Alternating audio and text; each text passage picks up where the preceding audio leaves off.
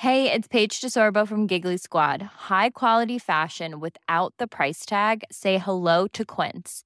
I'm snagging high-end essentials like cozy cashmere sweaters, sleek leather jackets, fine jewelry, and so much more. With Quince being 50 to 80% less than similar brands.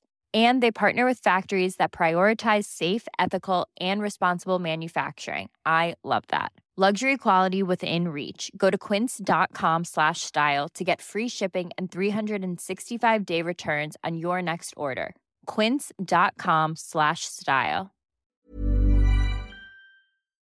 Hello, folks. Owen here. You're listening to the CiC Show podcast. This is the CIC podcast mini series, Quarantine Queries, where we talk to listeners from different walks of life to see how they're doing in these quarantine days. Simple enough. There's three questions. How have you been coping? Have you been using technology and virtual reality to cope? And what can you take from this experience that you'd like to see go forward? Today we're going to talk to Ben Thompson, a teacher and actor living here in Copenhagen. He's originally from Fort Worth, Texas. He's got kids and he's got kids to teach. Let's see how he's getting on. He started off by telling us a bit about himself. I am 36 years old. I'm originally from the U.S. and I've been living here in Denmark for about 10 years and I'm a full time teacher. Um, I teach at a Danish school. My wife is Danish. Uh, we've been married for seven years. We've got two kids two year old, six year old. I teach math.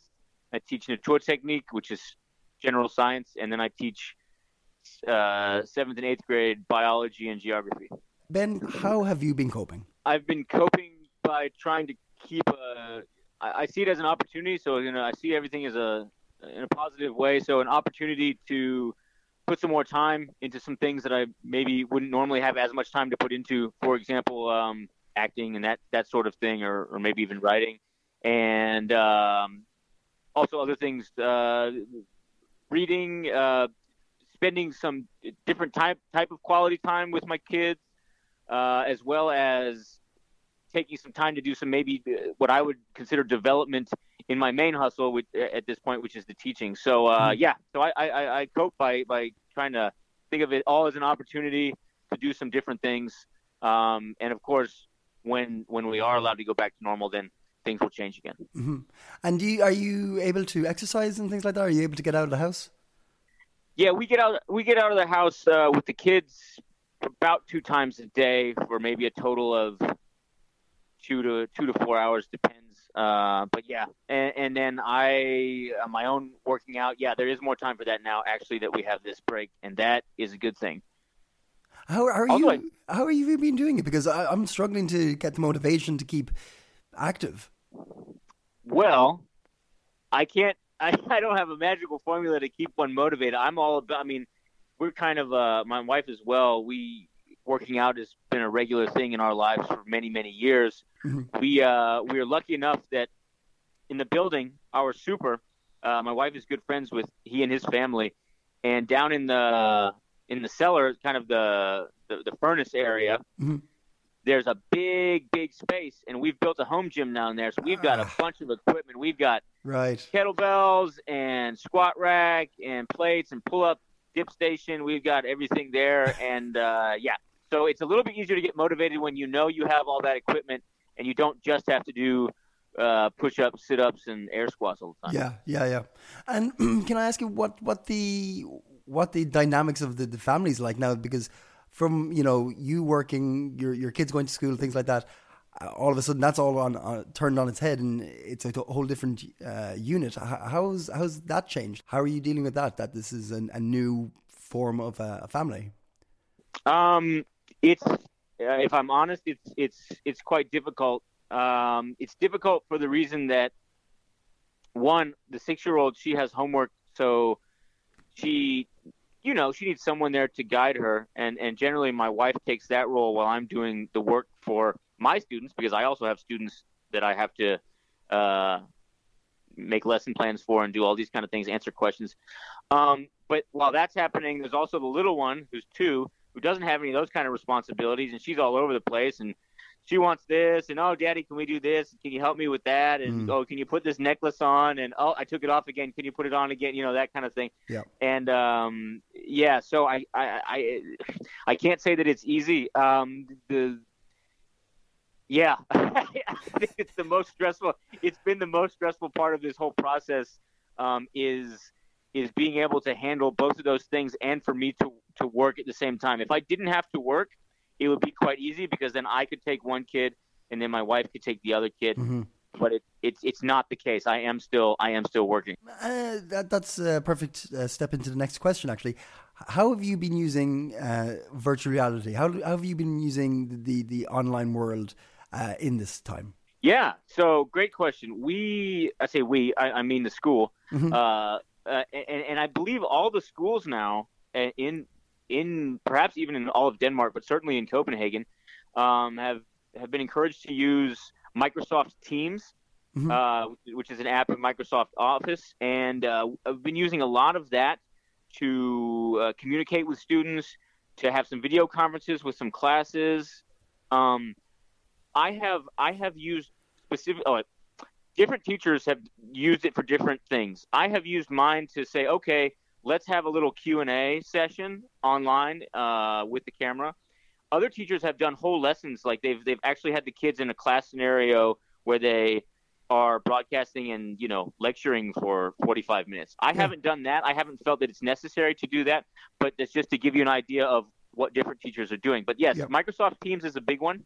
Um, the other thing that I have dipped into now that I have wanted to do for a little while and that's been really fun is making instructional videos, especially with math.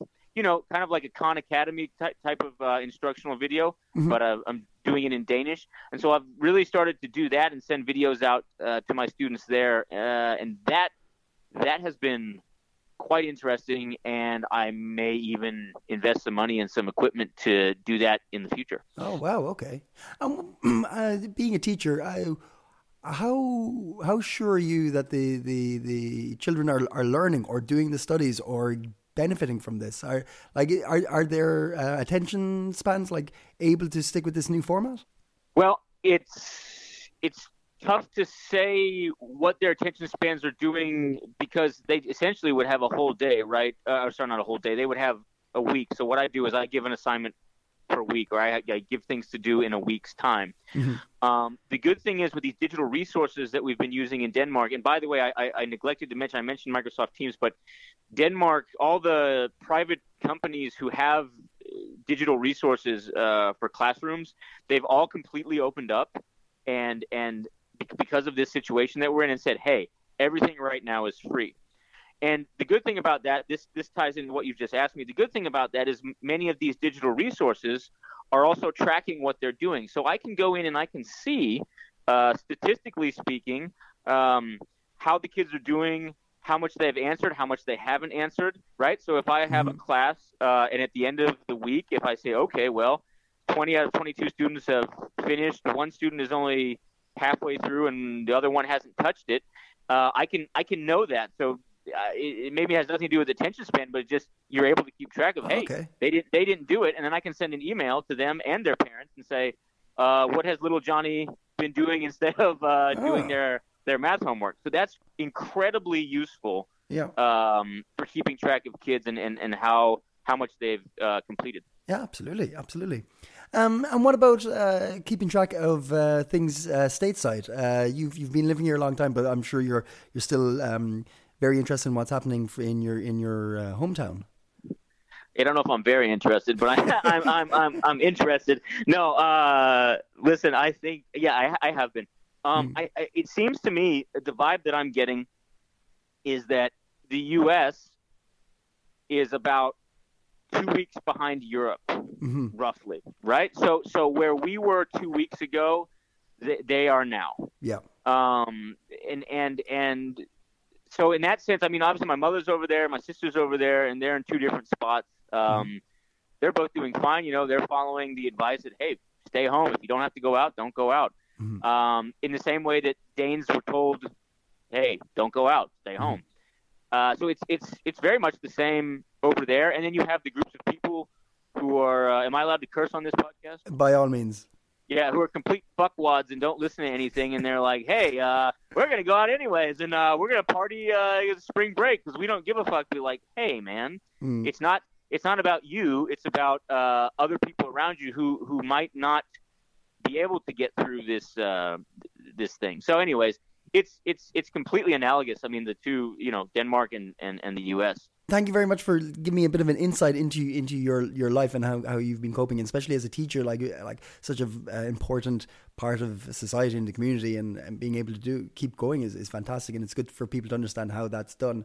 But um, you you you already sound quite positive, but is there a a particular aspect of this that you you think you could take into life afterwards? Once once we've we've passed this is there is there an aspect that you want to continue with? Yes. Um, so the one the one piece which is more of a pragmatic piece uh, in terms of what i have in my toolbox was from the education side uh, using instructional videos uh, very very much visual visual aids that students can constantly refer to to use instead of saying, "Oh, well, I don't remember what you said or how are we supposed to get this and how do I open this up?" Um, that you know that kind of thing. Yeah. Those the that's that's something I'm definitely going to continue doing. Uh, in the bigger picture of maybe mentality uh, and and and holding a balance in one's life. I mean, I don't know, man. I think we're all or sorry, not all. I think many of us are already trying in the daily grind to strike that perfect balance between the things that we have to do and then the things that we want to do and maybe slowly be working towards the things that we have to do are also the things that we want to do mm. um, and so what i will take away from this is just to uh, know that hey you know you can you can you can use your time you can use two hours on youtube and and completely waste every every eh, those two hours or you can take those two hours and say okay well i'm going to write or i'm going to whatever it is you know i'm going to work yeah. on my side hustle whatever that may be so i guess it's not anything new but it's just kind of reaffirming the idea that you know in any situation it's mostly about being disciplined and not using your time on YouTube, Instagram, and all the other temptations that are around what Steven Pressfield would call resistance. I think, mm-hmm. um, yeah, I think that's what, what I will continue to do, and I think it's been um, it's been a good way to exercise that mentality in another capacity. That's uh, definitely a nice positive that everybody can uh, agree with and, and take from. Um, ben, thank you so much for taking time out of your um, uh, finely tuned schedule that we have all had to create. Um, and letting us have a little insight into your uh, life in these uh, crazy times. No worries, man. It's good. It's fun. Thank you very much to Ben. That was fascinating stuff to see how we are continuing to teach our young ones and stay sane. You've been listening to the Six Show podcast miniseries Quarantine Queries. Stay tuned tomorrow for another episode. Stay safe, stay coping. Hey, it's Paige DeSorbo from Giggly Squad. High quality fashion without the price tag? Say hello to Quince. I'm snagging high end essentials like cozy cashmere sweaters, sleek leather jackets, fine jewelry, and so much more. With Quince being 50 to 80% less than similar brands. And they partner with factories that prioritize safe, ethical, and responsible manufacturing. I love that. Luxury quality within reach. Go to quince.com slash style to get free shipping and 365 day returns on your next order. Quince.com slash style.